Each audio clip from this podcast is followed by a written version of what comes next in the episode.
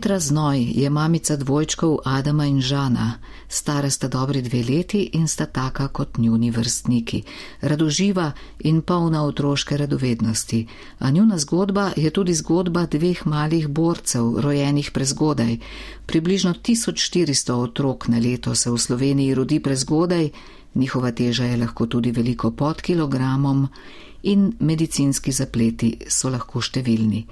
V knjigi Junaki prvega nadstropja je Petra Znoj zbrala pripovedi mamic nedonošenih otrok, njihovih zgodb, polnih strahov, pa tudi izjemne življenjske moči. Pred mikrofonjo je povabila Darja Groznik. Dobar dan, gospa Petra Znoj. Pozdravljeni v našem studiu. Dobar dan. Kje sta zdaj vaša fanta, zdaj le ta hip Adam in Žan v vrtu, kje druge? V vrtu sta, ja. No, lepo. V oddaji med štirimi stenami vas bom prosila, da predstavite svojo izkušnjo. Doma imata, kot smo slišali, dvojčka, ki ste bila rojena predčasno. Izkušnje in zgodbe o borbah za življenje malih junakov ste zbrali, objavili, tako da bova predstavili tudi knjigo Junaki prvega nadstropja in aktivnosti druge aktivnosti projekta, ki ste se ga lotili, najprej pa odlomek iz vaše knjige. Ko sem prvič videla Adama, je imel 900 gramov in ni dihal zaradi popkovine ovite okrog vratu, zato je bil popolnoma modar. Žan je imel kilo in pol, zato je izgledal bolj podoben dojenčku, a že vseeno je bil daleč od slik novorojenčkov, ki sem jih videla. Še danes rada rečem, da sem vesela, da sem anesteziologe prosila, da mi dajo močno dozo pomirjeval, ki so mi jih dali v žilo, takoj ko sta bila fanta zunaj. Zaradi tega sem glavni šok prespala in se v naslednjih dneh sploh nisem zares zavedala, kaj se je zgodilo. Vsakič, ko sem šla na obisk na intenzivno nego, sem morala sama sebi prigovarjati: To sta tvoje otroka. Sploh mi ni bilo jasno, kaj se je zgodilo, in vsak dan sem se bala, predvsem za Adama, saj je njegova teža padla na 750 gramov. Gospa Petra, zgodba nosečnosti poroda um, je bila za vas traumatična. Ali jo lahko na kratko opišete in tudi, česa vas je bilo najbolj strah tik pred rojstvom? Ja, uh, nosečnost dvojčki je v večini primerov um, taka, da so mamice precej prestrašene, ker te že na začetku ti povejo, da je pač veliko možnosti za kakšne zaplete. In pri meni je bilo v bistvu vsak pregled, se je nekaj zgodil, je bilo nekaj narobe. Um, imela sta sindrom o dvojčkah dvojčku, kar pomeni, da se dvojčka tudi med sabo povežeta, ne samo na. Uh, ne samo na plodovnico, in je potem pač eden več dobival, preveč dobival, eden premalo. Um, bliz, bliz, pač se pravi, vedno je bilo, nekaj je bilo, eden je premalo rastel, tako in vsak, jaz sem imela na dva tedna preglede, ker pri enojajčnih dvojčkih pač hodiš v prodnišnico Ljubljana, kjer imaš preglede na dva tedna, da spremljajo, kako je zrastjo. In ja, še zdaj, če pomislim na te preglede, imela sem jih ob petkih in ob petkih ob dvanajstih se še prav spomnim in pač me še zdaj stisne v želodcu, uh, ko se spomnim na to. Najhujši bil pa seveda, seveda zadnji pregled. Jaz sem bila v bistvu pripravljena za na morje, da grem še na zadnje morje, ker to je bilo pač dva meseca in pol pred predvidenim rokom poroda. In sem šla na ta pregled, um, se tam uležem in ginekologinja me pregleduje. In je nekaj dlje časa trajalo, kot kar ponavad. In jaz gledam in vidim, da tiste meritve dvakrat upravlja in vse skupaj. In se mi je že zazdel, da mogoče bo kaj narobe, pa se nekaj neč bom počakala. Um, in potem mi je pač povedala, da je Adam, se pravi, takrat, če ni bil Adam, takrat je bil dvojčaka uh, zrastel samo 20 gramov, oziroma je pridobil samo 20 gramov in da bomo verjetno mogli zaključiti nosečnost. In to so pač občutki, ki jih je zelo težko opisati. Jaz sem bila popolnoma v šoku, jaz nis, sploh nisem razumela najprej, kaj zdaj pomeni zaključiti nosečnost. Um, kaj, kaj, kaj se bo sploh zgodil? Um, taka, recimo, temu smešno žalostna anekdota. Um, v bistvu prva stvar, ki sem jo vprašala, je nekaj, a grem lahko iz avto domov pelat, pa pridem z avtobusom nazaj, v takem šoku sem bila, ne, ne bo, ker imam avto parkiran pred porodnišnico. Ne, pa mi je rekla zdravnica, pravi, e, gospa, v tem stanju zdaj le pa res ne boste vozila. Tako da na koncu sem torbo s pakiranimi stvarmi za namorje dobila v porodnišnico, ker sem potem notri ustala v četrtem nadstropju. Mhm. Sledil je porod? Uh, ja, v bistvu uh, jaz sem dva dni čakala uh, na ta porod, ker so čakali, če bojo mogoče uh, se vse en te pretoki nazaj vzpostavili. Um, tako da v bistvu to, je, to se je zgodilo v sredo, v petek je pa potem, ja, v četrtek so mi potem povedali, da pač ne bo šlo drugače. Um, smo se zmenili, um, pač kako, bom, kako bom rodila, ne carski res. Uh, in pa pač sem se mogla odločiti za anestezijo, um, pa sem potem zbrala spinalno, da sem bila pač budna, ko sta se rodila. Um, ampak ja, kot smo že slišali v odlomku iz knjige, pač moj porod definitivno ni bil uh, filmski, ni bil tak, kot bi ga pričakovala um, je bil precej ja, traumatičen, stresen, zato ker v bistvu nedonošenčki so res mehni, uh, pač to si težko predstavljati, kaj to pomeni 900 gramov, pa 32 cm, to je v bistvu dlan, se zato pa reče, da so v bistvu kot dlan veliki. Um, suhi, ja, Adam še ni dihal, tako da. In potem v bistvu, ker prvi je bil Adam, ne, in je, um, so ga dali takoj v, na predihavanje, tako inkubator. In meni v bistvu v tistem trenutku sploh od tega šoka, ki sem ga zagledala, sploh nisem ugotovila, da ne diha, ne? oziroma da ne joka. Uh, šele potem, ko je bil Žan, uh, ki je za joko, sem rekla, ojoj, pač te pa nekaj ni v redu. Ampak liho v tistem trenutku je pa to Adam za joko, tako da sem se pa vsaj približno um, to kot dahnila. Aha, pa ste lahko prijeli, stisnili, pobožali vsaj svoje dva novorojenčka? Uh, ne, jaz nisem mogla. Uh, veliko mamic jih lahko, če pač so recimo vsaj tam verjetno okrog kile, kile pa pol. Um, da, ko normalno zadihajo, pa tako jim dajo hnim, se je neke zgodbice tudi uh, notri v knjigi, recimo ena taka precej grozna stvar, jaz sicer nisem doživela, ampak uh, so mi mamice povedale, je, da recimo tega otročka morajo takoj dati zavit v plastično vrečko, ker ne ohranja toplote, tako da ga dobiš potem v plastični vrečki k sebi, a ne pač, mislim, v telo, pač, da lahko diha, seveda. Um, in ena od mamic mi je tudi povedala, da recimo to je tudi blazno grozna izkušnja, ker sem gledala tistega svojega otroka v plastični vrečki. In ja, ne, jaz jih pa sploh nisem sebi mogla dobiti, ker se pravi, Adam je mogel takoj na predihavanje, uh, žana so tudi takoj v inkubator in uh, hitro na intenzivno neko. Pač, in koliko časa sta bila v inkubatorju oziroma na intenzivni negi? Uh, najbrž ste bili tudi vi vse čas um, zraven. Ne vem, kaj lahko mamica naredi, kako ohrani stik. Uh, ja, uh, v Ljubljanski porodnišnici imajo to super narejen. Uh, mi smo bili vse skupaj v porodnišnici 48 dni. Od tega je bil Adam, mislim, da tam približno pet tednov v inkubatorju, žan en teden manj, ker je bil pač večji. Potem se predstavijo v tople posle in čist na konc pridejo k tep na oddelek. Um, je pa super, ker imaš v bistvu v Ljubljanski porodnišnici apartma za mamice nedonošenčkov, kjer v bistvu skupaj živijo mamice, uh, ki imajo pač nedonošenčke na intenzivni negi. In to je dobro iz dveh razlogov. Prvo, zaradi tega, ker se tam povežajo. Mislim, smo se povezali, a ne res in si pomagamo, um, skupaj jokamo, skupaj se smejemo. Pač, tam, v bistvu tam smo bile edine, ki smo sploh razumeli, kaj se je zgodilo, kaj se dogaja, kako se počutiš v tem trenutku. Um, ker pač vsem ostalim je to zelo težko razumeti, um, ker niso pač dali te izkušnje čez. In po drugi strani tudi zato, ker pač, če si mamica, ki je otrok v inkubatorju in ga nimaš presep in si zraven drugih mamic, ki imajo otročke presep, to res boli. Um, in zato je pač uh, tam super. Ja, potem pa v bistvu uh mhm. -huh. dvakrat na dan hodiš jih um, pogledat. Uh, začet... Kaj to pomeni? Samo ja. gledaš skozi inkubator ali se jih lahko dotakneš, vsaj malo pobožaš? Kakšen je ta stik? Ja, lahko se jih dotakneš. Zdaj spet odvisno, koliko je otroček velik. Pri meni je bilo tako, da v bistvu na začetku sta imela še kateter v popek, se pravi za hrano in tako. In pač do takrat, ko sta imela kateter v popek, jih nismo mogli vzeti ven iz inkubatorja. Ampak si v bistvu prideš, um, še to je ja, najhujša stvar od vsega, je, ko si moraš, pač velik si moraš, uh, čisti moraš skužati roke, umit. In tiste dve minuti, ko tam stojiš in si razkužuješ roke, tisto se mi zdi, da je najbolj stresno. No. To, tudi ostale mamice povejo, ker čakaš, ne veš, ko boš noter prišel, kaj ti bojo povedali a je v redu vse, a so stabilni, a se je kaj poslabšali in pač tisti trenutek ti gre vse možne misli po glavi. Uh, potem pa ja, prideš in uh, na začetku sem en teden v bistvu samo roke na njo polagala, odprla sem inkubator in sem dala roke, pač da sta čutila mojo prisotnost.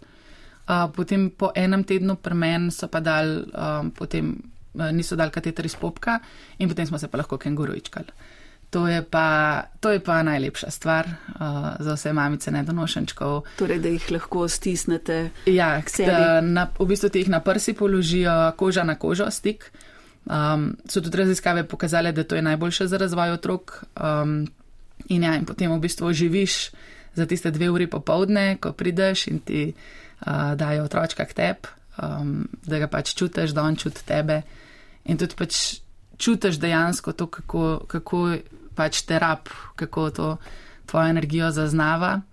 Na začetku je tako, no, jaz sem na začetku čist prestrašen, jaz sem po moje prvič pri kenguručkanju dve uri bila čist, primer čist trda, pač ker je tako mečken otrok, da se kar bojiš, da ga boš zlomil, um, ampak ja, potem je bilo pa vedno lepše. Uh, pri meni je bilo pa tudi tako, da sem jih tam po ene dveh tednih tudi daljše skupaj, tako da smo bili vsi trije um, in ja, pač to, to so najlepši občutki. Po 48 dneh ste rekli eh, bivanja v intenzivni enoti za vaša dvojčka, ste lahko odšli domov. Vas je bilo mogoče takrat še posebej strah, kako boste vse skupaj zmogli, kaj vse to pomeni? Ja, ja. Uh, jaz v bistvu sploh nisem o tem zares razmišljala, kako bo, ko pridemo domov, ker pri nas je bilo tako, da se je moj brat poročil uh, začetek septembra in jaz sem na vsak način hotela priti na to poroko. In je v bistvu vse šlo v tej smeri, ker pač nedonošenčki lahko zapustijo porodnišnico takrat, ko znajo sami jesti, um, pač ko spijo, ko so pač tok razviti. In jaz sem res, skozi smo, dajmo še, pa še mal flaške, pa dajmo še probati jesti, pa tako samo, da bomo mi prišli uh, do takrat, ko se bo moj bratec poročil, pač tja na poroko. In v bistvu, verjetno, dokler se nisem jaz usedla v avto, ker smo šli proti domu, sploh nisem razmišljala, kako bo doma. Takrat me je pa pol presekal, se pa spomnim, ker pač v porodnišnici je sterilno okolje, ne imaš, razkužuješ si roke, pač oni tako vse očistijo in tako naprej. Medtem ko pač doma ni sterilno okolje, um, sam si, ne v porodnišnici lahko prosiš, uh -huh. uh, tudi potem, ko na oddelek prideš, pač jaz sem tudi kdaj prosila, ker sta dva, se nekaj mi lahko enega prosim nahranite ali pa mi lahko malo pomagate, da se mečkar naspim. Medtem uh -huh. ko pač tam tega ni, doma tega ni. 24 ur na dan, ja, si sam ja, z dvojčkom, moraš skrbeti za njo. Ja, in poleg tega pa če še bilo, pri nas je bilo tako, da še nista dobro eh, zares jedla, ne mislim, da nimajo razvidga tega sesalnega refleksa. Um, ona dva sta bila na flaški, jaz pa sem si kot dobra mama, kot je zdaj pač to v družbi, mora biti črpala potem še mleko, da sta dobila moje mleko, da nista dobila eh, samo adaptiranega mleka. In v bistvu ona dva sta jedla na tri ure. Jedla sta skupaj 40 minut, ne, oba dva v kosu, pol je bilo treba pa stekleničke sterilizirati, pa je bilo treba pa mleko načrpati in ko sem si jaz dala budilko, da grem spat, je pisal, ne vem, 45 minut. In to je bilo prve dva meseca skozi samo v bistvu, samo to črpanje. Mal smo mišli na kakšen sprehod, pa tako, ampak ja, res je naporno.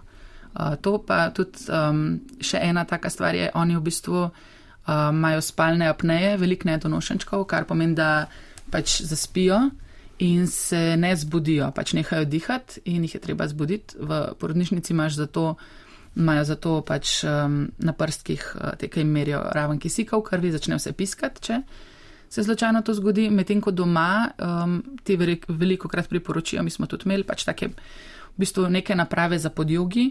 Um, ki zaznavajo otro, otroško dihanje. Ne? In če pač bi otrok nehal dihati, to začne piskati. To tok piska, da do sosedov slišijo pač vsi.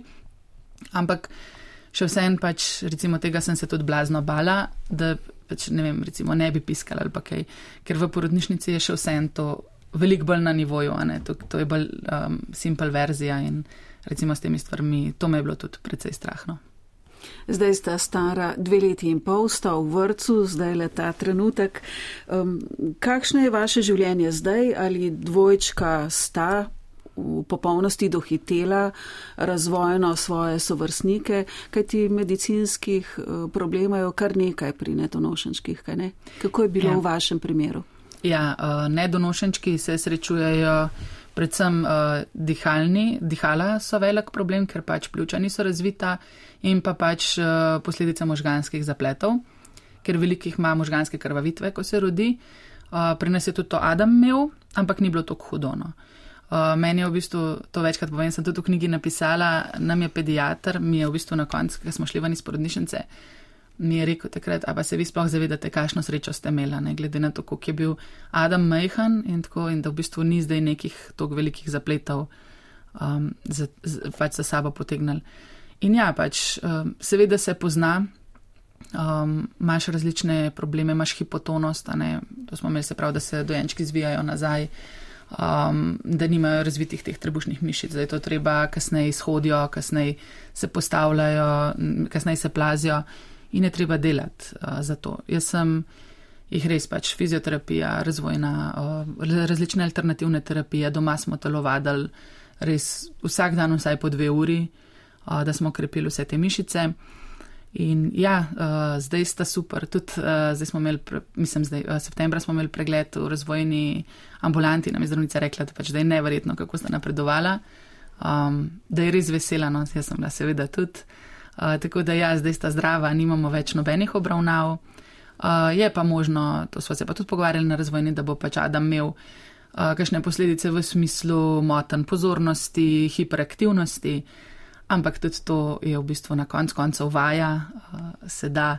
In ker sem, meni, meni je pomembno to, da sta one dva, pač da boste lahko postala samostojna človeka in pač tukaj smo zmagali, tako da za me je to zmaga ste zdaj mogoče uh, v, takem, v takih razmerah, da si lahko po vsem tem, po vsej tej traumatični izkušnji, po vsem tem strahu lahko končno odahnete in uh, rečete, ja, bilo je hudo, ampak premagala sem pravzaprav vse.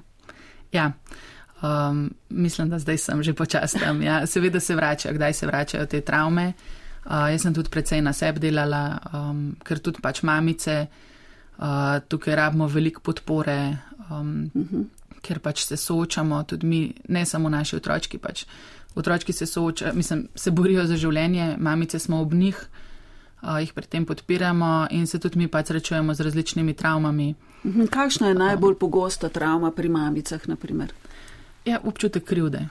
Uh, vsaj zdaj se lahko rečem. Pač jaz To je tako, ne, kot ko si mama, ti želiš za svojega otroka najboljš. Pač. Uh, vse mamice si to želimo. In ti, ko se ti rodi nedonošenček, ga v resnici rodiš v borbo za življenje. In to, to, je, to ti naredi tako občutek krivde, v smislu, jaz sem svojega otroka, v bistvu mu nisem niti zagotovila varnega rojstva, nisem mu zagotovila osnovne stvari pač za preživetje, ampak se on more boriti. To je bilo meni taka najhujša stvar. Jaz sem se sprašvala, kaj bi lahko naredila, a če bi več počivala ali če bi bilo. Uh mhm. -huh. Ampak je tako z roka za prezgodni porod navadno ne poznajo, ne razen, če gre za kakšno bakterijsko vnetje.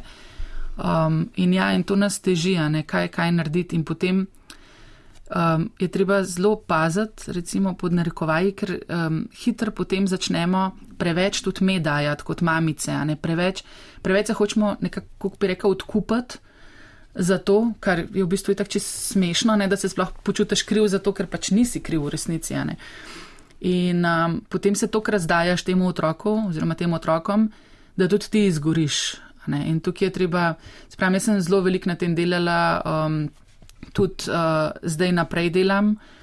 Uh, delam terapije za mamice, zdaj bo se uh mhm. -huh. začela tudi podporna skupina. No, o tem ja, bo vam kasneje. kasneje uh, ja. ja, ampak ja, pač. Um, res ta, ja, ta občutek, jaz sem slaba mama. Ne, nimaš, imaš, eh, je psiholog uh, v, uh, v porodnišnici, s katerim se lahko pogovoriš, ampak načeloma grozno je to, ker te nihče od teh tvojih bližnjih te, te ne more razumeti, pa če niso imeli te izkušnje, ne, ne starši, ne prijateljce.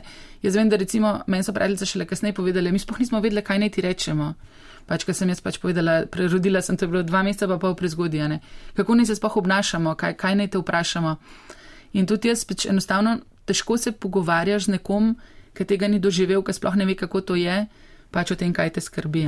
To je tudi eden od razlogov, zakaj se je ta projekt začel, pač, da tudi ljudje preberejo te zgodbe, da bojo razumeli, da, da jim bo lažje komunicirati s temi mamicami, um, ponuditi pač primerno pomoč in podporo. To je tudi namen knjige, ki jo mava v rokah junaki prvega nadstropja.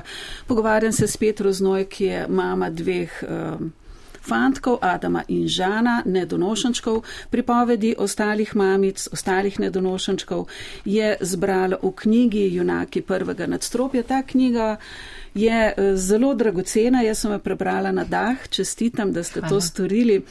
Eh, vsaka zgodba je posebna, prav gotovo, ampak lasno vsem zgodbam pa je tole, vsaj tako sem jaz to razumela, šok ob dejstvu, da se bo otrok rodil predčasno, strah, kaj bo to prineslo in na to borba. Uh -huh. Borba uh, za to, da ti mali junaki prvič sploh ostanejo živi, to je uh, prvo vprašanje, in na to borba, da se obdrži, da se vse upelje v neke normalne tirnice.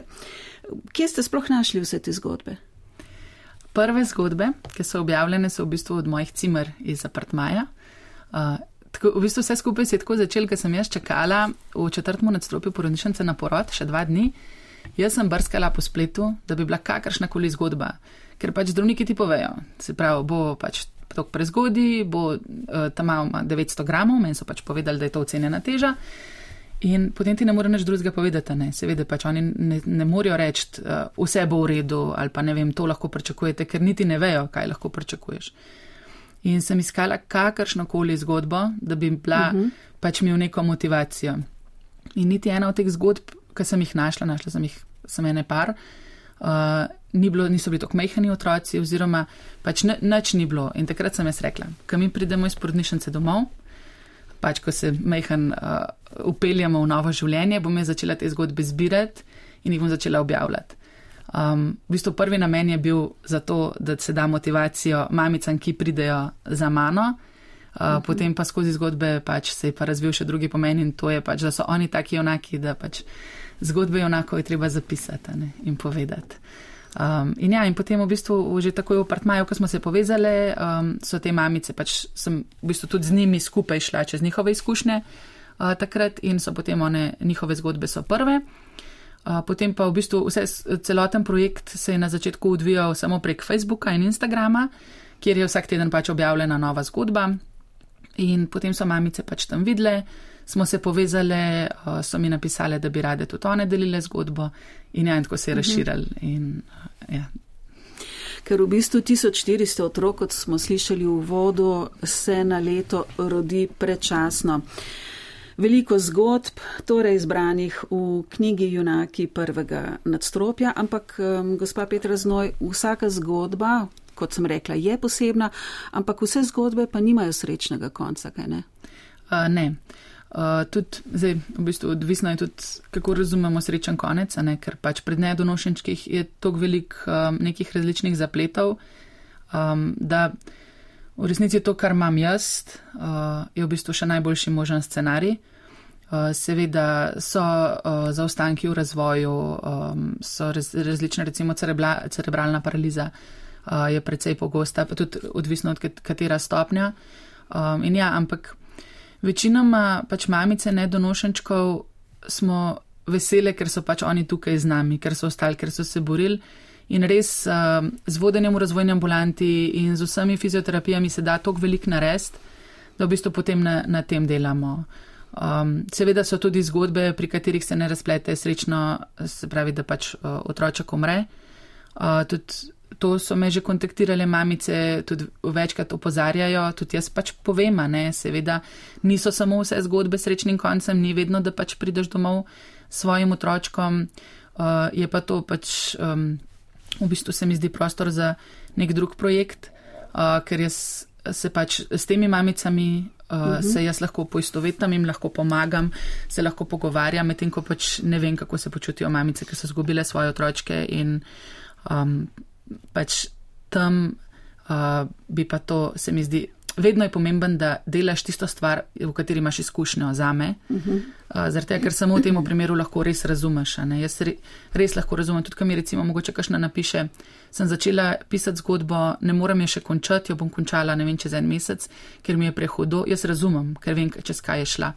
Uh, Medtem ko pri mamicah, recimo, ki so zgubile svoje otročke, tega ne morem uh -huh. vedeti in um, zato pač upam, da bo kdo Ste se osredotočili ja, na tako, te zgodbe. Tako. Napovedujete, kot ste že omenili, tudi delovanje podporne skupine za mamice nedonošenčkov. Kako ste si vse skupaj zamislili? Uh, ja, načeloma bi mogla začeti se zdaj, ne aprila, ampak teli uh, zadnji meseci z mojima dva in pol letnikoma so divji. Milo rečeno. Ja, ja, pač eh, zdaj je tak, tako, da se vsake pet minut treba neko novo dejavnost, če ne, ple, če ne plezata na umare in na kuhinski pult in tako. Uh, tako da ja, ampak ne, načeloma je plan, da se to začne v aprilu. Mi tako se povezujemo že prek uh, Facebook uh, profila Junaki prvega nadstropja in Instagram. In tudi načeloma uh, tam pač se bo to začelo, tam bom objavila in potem bi se dobivali recimo dvakrat na mesec, uh, da poklepetamo, predvsem v smislu, da, da mamice dobijo to psihično podporo, da je nekdo, ki jih zares razume, ki je šel čez to in, in se mi zdi, da če se zbiramo tako skupaj, da je pa lažje, no, ker. Um, ker pač ja, deliš svojo bolečino, deliš svoje zmage. Um, in, ja. uh mhm. -huh. in ti je lažje in imaš oporo, ker vidiš, da se vse to ne dogaja samo tebi, ampak Tako tudi je. drugim. Še projekt Hobotnica bo v omenili. Uh -huh. um, Prebrala sem, da je idejo iz tujine prenesla Tjaša Belc, ampak zakaj prav hobotnica? Hobotnica naj bi bila nek simbol um, nedonošenčkov, če sem prav razumela, oziroma ta prva igračka, uh, nenica, tako imenovana, ki jo nedonošenček pravzaprav dobi. Zakaj gre? Ja, uh, hobotnica je v bistvu zato, ker ima lovke. Um, te lovke so kot popkovina. Um, in v bistvu jo nedonošenčki ja dobijo že v inkubator, uh, ja, mi temu pravimo njihova prva prijateljica. In res je lepo, ko prideš pač in je v inkubatorju tvoj otroček v socevkah in potem pač tista njegova prijateljica, ki je zelo velika, tudi objemajo uh, pač ti kar ugreje srce. In ja, v bistvu to je uh, pop, kot popkovina in potem se otročki s tem igrajo in uh mhm. -huh. pustijo celke primer. Tako ja, ja. In se s tem, zaradi tega, ker jim je bolj. Um, Bolj jim je, pač kot, ja, kot da bi se s popkovino igrala ne? in zaradi tega se potem ne poškodujejo, ne potegnejo cel gven uh, tisto, kar imajo. In ja, pač Tjaša Belc je res naredila čudovit projekt. Um, je prostovoljen, tudi dobrodelen, te hobotnice se ne prodajajo, ampak so v bistvu sam za naše nedonošenčke. In, ja, in, um, Kdo pa jih dela? Uh, v bistvu ona združuje pod tem projektom Hobotnica kvačkarce iz cele Slovenije. Uh, tako da v bistvu kdorkoli želi, se lahko temu pridruž um, in potem v bistvu, v bistvu pač kvačkajo. To so in mamice in v bistvu podporniki tako, tega tudi, projekta. Tako, tisti, ki želijo pač samo nekaj dobrega narediti in pač res so srčni. No, in se pravi, pol te hobotnice mi postavimo. Jaz jih imam v, v vitrini, v bistvu gor na posebnem mestu, um, pač označujejo neko zmago, prvo zmago v življenju. Um, in ja, jaz sem večkrat že rekla tudi tjaši, pač res hvala za, za te hobotnice. To je ena stvar, ki ti res, res ti pogreje srce, no, kot starša nedonošenčka. Najbrž so te hobotnice sterilizirane, ne, če gredo uh, k samim nedonošenčkam v inkubator, kjer je vse sterilno. Ja, vse, vse zrihte, to, to vse poskrbijo. V bistvu jih um, pač uh, tjaša, ko jih prinese oziroma ko jih dostavijo v, v porodnišnico, pa tam poskrbijo seveda te sestre um, za vse to. Ampak ja, pač uh, se pravi. Je pa to projekt, ki se je začel v Skandinaviji, če se namotim. Ja, ja, tam je, um, mislim, da je enemu očku ena prijateljica uh, skvačkala prvo hobotnico za nedonošenčka, ja, in potem se razširili uh, čez celoten svet. Um, v bistvu so mehkušci, no, pri nas imamo, mi, mi imamo, nimamo hobotnic, imamo meduze. Uh, lahko dobiš hobotnice ali pa meduze, pač pomembno je, da imajo te lovke. Um, take barvaste so res so simpatični. Uh -huh. no. Na Danskem se je vse skupaj začelo tako, tako. in razširilo po svetu tudi k nam v Slovenijo. Knjigo ste izdali v samozaložbi. Je to to in um, organizacija podporne skupine ali načrtujete že kakšno novo izdajo? Ja, seveda novo že.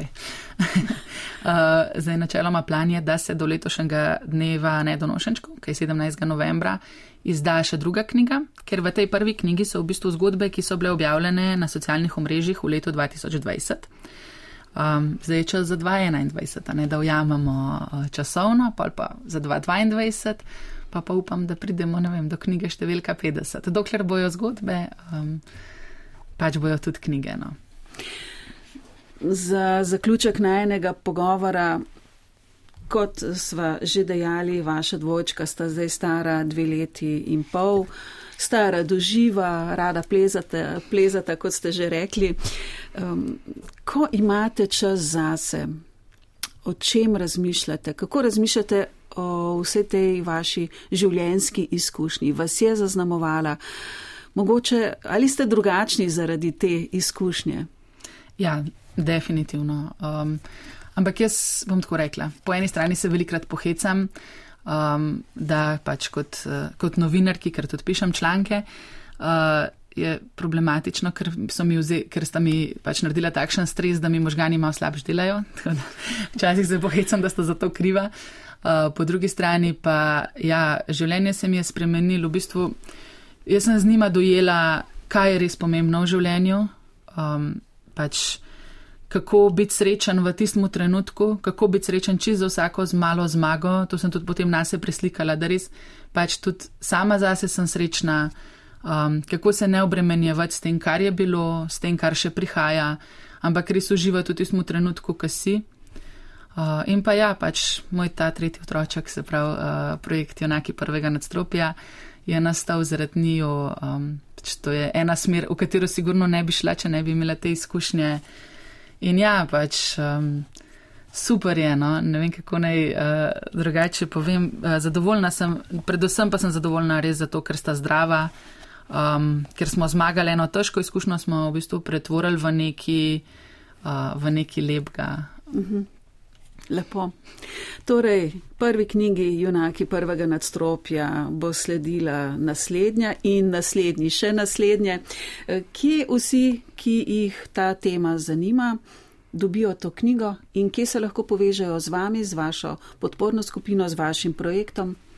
Uh, ja, uh, knjigice se dobijo, zdaj so že v vseh dobro založenih knjigarnah, uh, tako da lahko se do tja odpravite, oziroma vse ostalo je pa na mojem. Eh, Facebook pa Instagram profilu Junaki prvega nadstropja, kjer so gor vse informacije, tam bo tudi informacija, ko se bo podporna skupina začela um, in pa ja, pač eh, kako prideti do knjige. Mhm. Petra Znoj, hvala lepa, da ste prišli v naš studio. Veliko veselja vam želim z vašima dvojčkama in seveda čestitke ob izdaji knjige in ob tem, da ste se lotili dragocenega projekta. Srečno. Najlepša hvala.